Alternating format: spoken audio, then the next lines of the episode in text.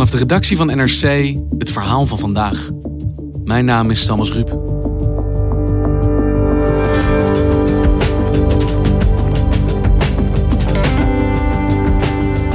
Jarenlang slikte onderzoeksjournalist Joep Dome een kankerverwekkend medicijn. En met hem honderdduizenden andere Nederlanders. Het wordt goedkoop geproduceerd in China en in Nederland gewoon toegestaan. Hoe kan dat? En hoe weten we zeker dat dit niet nog steeds gebeurt?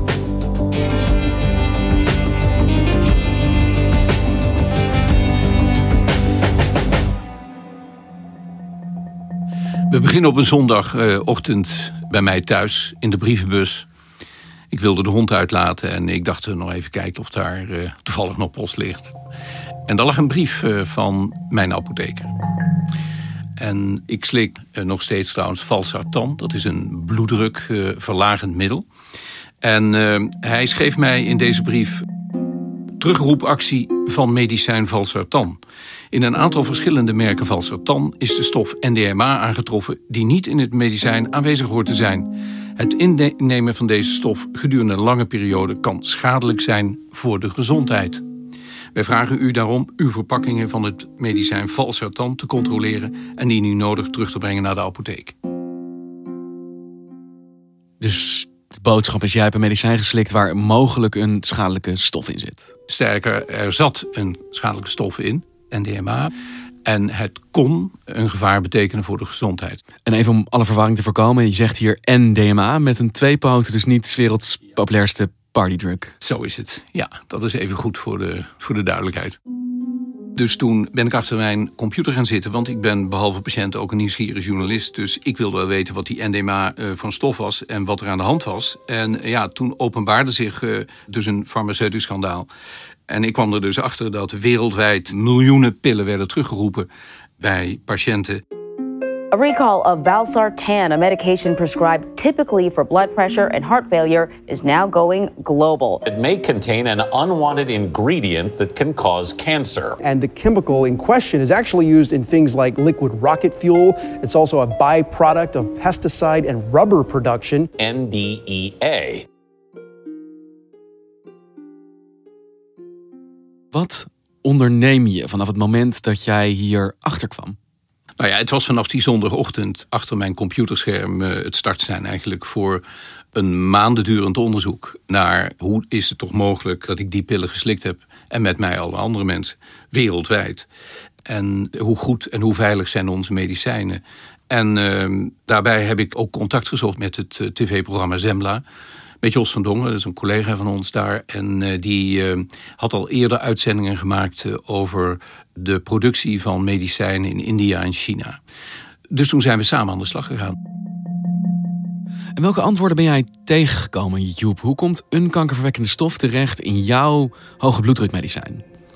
Al googelend kwam ik erachter dat er één Chinese fabriek verantwoordelijk was voor deze vervuilde valse. En dat was het bedrijf. Huahai was founded in 1989 and has been committed to supplying high-quality medicine, creating products with integrity. We take strict control of every link from R&D to registration to procurement and production. Quality and innovation are the cornerstones of our business. Wat je ziet is dat er, um, dat er oorspronkelijk een bloeddrukverlagende valse tand was, gemaakt door een Europees bedrijf. En op een gegeven moment lopen bij die medicijnen de patenten af. En dan mag iedereen dat medicijn maken. Nou, dat gebeurde dan ook uh, in India en in China vooral. Mensen mogen dat oorspronkelijke medicijn kopiëren. Juist. Kijk, je komt tot een werkzame stof. En dat is een chemisch proces, gaat daar aan vooraf. Een syntheseroute. Nou, wat die Chinezen nou ontdekt hadden, was dat je op een snellere manier en goedkopere manier tot het eindproduct valsartan kon komen. Eh, afwijkend dus van de originele syntheseroute. Een soort farmaceutische afsnijroute. Zo is het. En wat nou hieruit blijkt, is dat in de oorspronkelijke syntheseroute van dat Europese farmaceutische bedrijf kon deze vervuiling niet ontstaan. Maar in dat nieuwe, kortere en goedkopere proces dat deze Chinese fabriek gebruikte, kon dat wel ontstaan. Dus er werd een goedkopere productiemanier gevonden om hetzelfde medicijn te verkrijgen, maar wel eentje waar meer risico's aan kleefden. Ja, zes jaar lang is in Nederland en in Europa deze vervuilde pil door apothekers aangeboden. En zes jaar lang was niemand ervan op de hoogte dat deze pillen vervuild waren met NDMA. Dat is pas ontdekt door een privaat laboratorium in Europa. En belangrijk te constateren, niet door de toezichthouder of de fabriek die verantwoordelijk was voor die pillen. En hoe kan het dat het zo lang heeft geduurd? Dat zoveel jaar een kankerverwekkend medicijn op de markt is dat door zoveel Nederlanders of door mensen wereldwijd geslikt wordt? Waaronder door jou. Dat, dat was dus een van de grote vragen die wij wilden beantwoorden. En het antwoord daarop is dat deze Chinese fabriek zijn syntheseroute had aangemeld bij de autoriteiten in Europa. Dat die syntheseroute was goed bevonden. Maar er is niemand geweest, nog bij de fabriek, nog bij de autoriteiten, die bedacht had dat deze syntheseroute ook wel eens een chemische vervuiling kon opleveren van deze stof. Er was dus bij de autoriteiten geen eis om te testen op NDMA. Our job is uh, to uh, go to those uh, factories. Dus wij spraken met Philippe André. Dat is een Belg, een apotheker, die werkt in China. En uh, hij doet audits bij Chinese fabrieken die dit soort medicijngrondstoffen maken. As far as I could see, well, that factory was uh, not so so badly uh, managed at all. So uh, its quality management was fine. The quality control was okay. So I'm not ashamed to uh, to say that personally, yeah, I didn't see uh, this uh, NMDA issue that was revealed later. Hij vertelde dat hij vooral een papiercontrole deed, dus niet op pilniveau. The refining clean rooms, uh, the quality control labs. So we also review the, the validation documents, etc. We interview the people to see exactly how uh, things are manufactured. And do you also check the medicine itself? No, we, we, we don't actually test uh, the, the medicine. So uh, that's the responsibility of uh, the, the pharmaceutical companies that put uh, the uh, products on the market. That's their responsibility. Yes, definitely. Hij kijkt of de processen die daar gevolgd worden voldoen aan de Europese standaarden. En dat biedt dus duidelijk geen garantie naar wat er wel of niet precies in die pil terechtkomt. Zo is het. Dus het heeft niet alarmbellen doen afgaan die instanties dit beseffen. We moeten hier misschien eventjes achterkomen of dit ook erin zit of niet. Ja, eigenlijk heel onthutsend natuurlijk. Hè, dat als je ziet dat bij een syntheseroute deze stof kan ontstaan... dat je dan niet specifiek op deze stof ook test. Want wat gebeurt er in Nederland op het moment dat bekend wordt dat deze kankerverwekkende stof in jouw medicatie zit en in de medicatie van vele anderen? Ja, dan treedt er een, uh, een proces in werking waarin de autoriteiten, en die werken in Europa allemaal samen. Dat gaat via de EMA, dat is het Europese Geneesmiddelenbureau. Die coördineert dan een eventuele terugroepactie. Als de medicijnen dusdanig vervuild zijn dat ze boven veiligheidslimieten, hè, dat die vervuiling ernstig genoeg is, dan roepen ze die medicijnen terug. En dat is ook bij valse tang gebeurd. Goedenavond. Onrust onder patiënten die het bloeddrukverlagende medicijn valsartaan slikken. Door een productiefout kunnen de pillen kankerverwekkend zijn. En dat deed ons eigenlijk wel twijfelen aan uh, ja, hoe veilig zijn dan medicijnen. Misschien zijn er nog wel meer medicijnen die niet veilig genoeg zijn. En ben je erachter gekomen hoe kankerverwekkend het medicijn is wat jij geslikt hebt? Hoeveel risico jij hebt gelopen? Want ik kan me indenken, als je zo'n brief krijgt, is dat de eerste vraag waar je mee worstelt. Juist, die vraag had ik. En ik heb daar tot op de dag van vandaag geen antwoord op gekregen. Ik heb als journalist uh, de inspectie gebeld. Hè, die gaat over de kwaliteit van onze geneesmiddelen. En ik heb ze gevraagd: jullie hebben die medicijnen van mij in de eerste recall, zoals dat heet, uit de markt laten halen. Maar hoeveel NDMA zat er nou in die pillen van mij? Ja, zeiden ze, dat hebben we niet gecontroleerd. Dat is niet gecontroleerd? Niet gecontroleerd. Toen zei ik, oh, uh, hebben jullie dan de fabrikanten gevraagd om dat te controleren?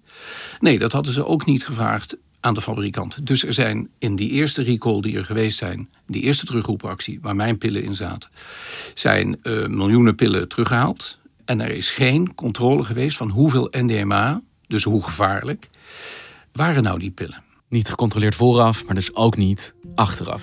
Dat is uh, de juiste constatering.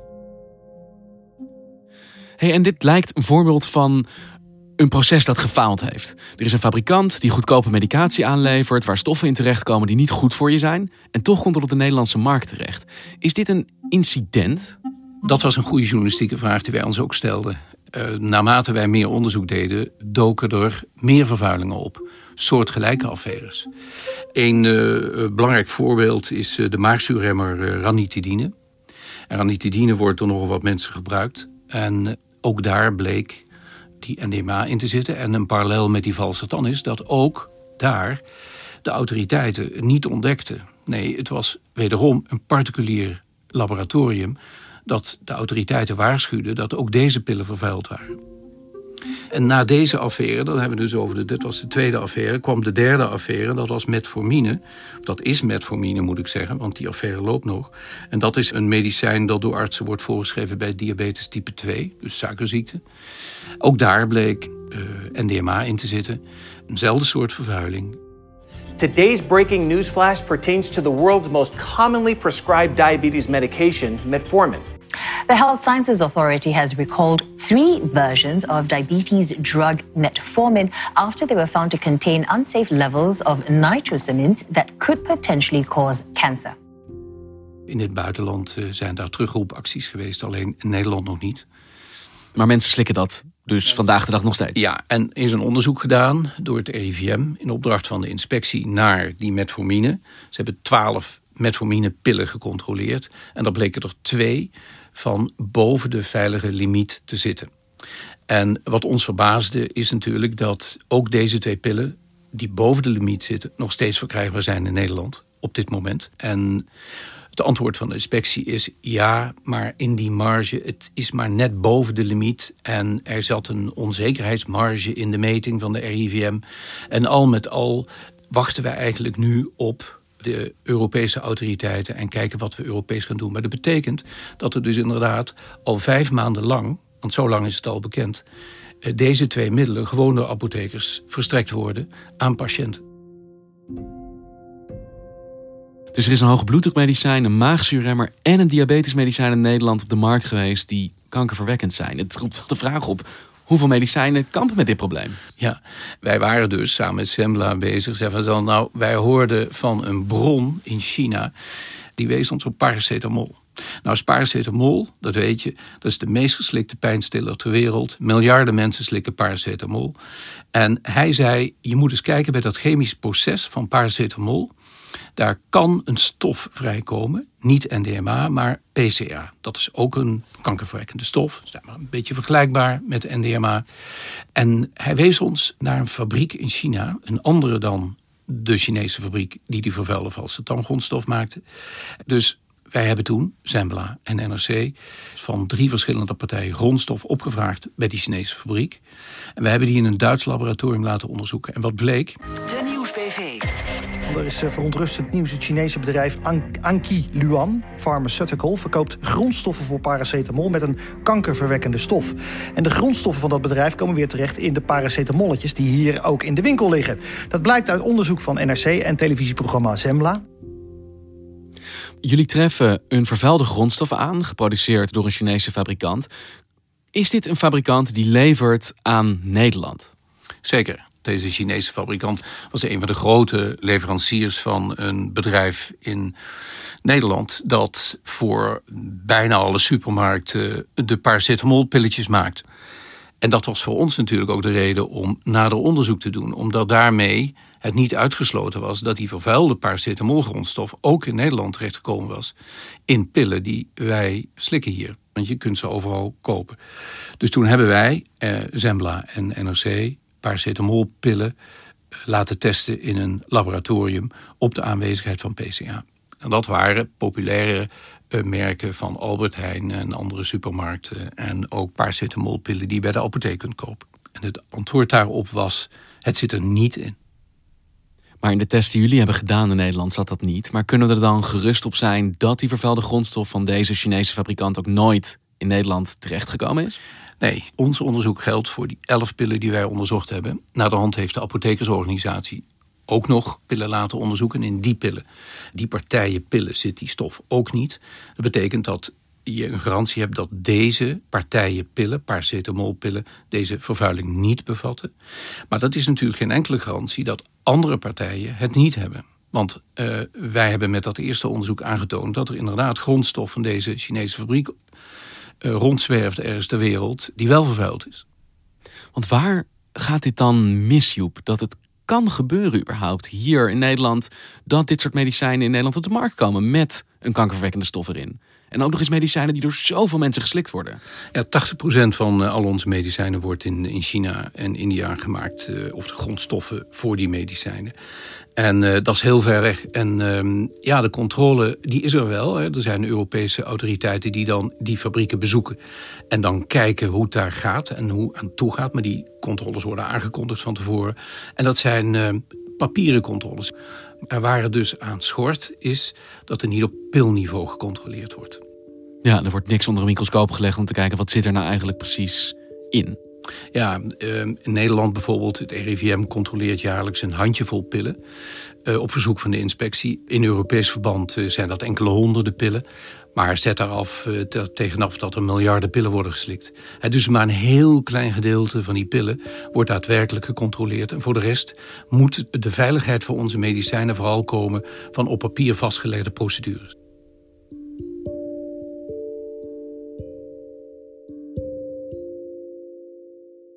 Het lijkt me dat daar wel een problematisch aspect aan zit. Aan de ene kant kan je zeggen prima, wij produceren goedkoper en verder weg. Maar dan lijkt het me dat je de controle moet opvoeren. Of kies ervoor om dat dichterbij te doen, waar je meer zicht op hebt. En dan kan je de controle misschien wat verminderen. Maar niet en minder controle en ver weg produceren. Ja, en ik denk dat, dat als deze drie affaires van deze drie vervuilde medicijnen iets duidelijk maakt, dan is dat dat de controle onvoldoende was. Want een van de belangrijke conclusies uit ons onderzoek is dat het systeem, het controlesysteem zoals wij in Europa hebben, niet heeft voorkomen dat er bij drie belangrijke geneesmiddelen al jarenlang kankerverwekkende stoffen uh, zaten. Dus daar, daar valt niet aan te ontkomen aan die conclusie. We hebben gewoon jarenlang vervuilde medicijnen geslikt. En die concentraties NDMA hadden daar niet in moeten zitten. Punt. En dan kun je daarna een hele discussie beginnen over... ja, is nou 1 op de 5000 extra kankergevallen... of 1 op de 10.000 of 1 op de 100.000. Daar hebben heel veel mensen, zoals ik als patiënt, helemaal niets aan. Wij willen gewoon betrouwbare medicijnen. Verandert dat dan iets, dit onderzoek, deze conclusies? Zorgt dat ervoor dat die controles bijvoorbeeld worden opgevoerd... zodat het niet in de toekomst bij meer medicijnen gaat blijken? Ja, EMA, dat is dus dat Europese Geneesmiddelenbureau... heeft dus een evaluatie gemaakt van deze affaire rondom Valsatan, waarmee we begonnen zijn, de bloeddrukverlager. En daar is een van de belangrijkste conclusies, uh, die overigens nog moet uh, worden geïmplementeerd, zoals dat heet, dat er een betere controle komt. Er moet voortaan standaard op NDMA gecontroleerd worden bij een groot aantal medicijnen. En dat is dus winst. Dat biedt ook wel de hoop dat er mogelijk wel iets echt gaat veranderen. Ja, dat hoop je. En ik denk ook dat dat nodig is. Want op het moment dat uh, mensen het vertrouwen in de veiligheid van geneesmiddelen verliezen... ja, dat, dat kan eigenlijk niet. En dat is natuurlijk het hele doel van onze, onze controle en toezicht uh, door deze autoriteiten... is om die veiligheid te garanderen. Om te zorgen dat mensen beter worden van medicijnen en niet zieker.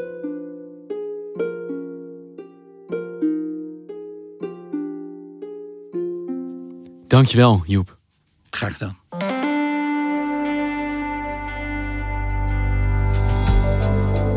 Je luisterde naar vandaag, een podcast van NRC.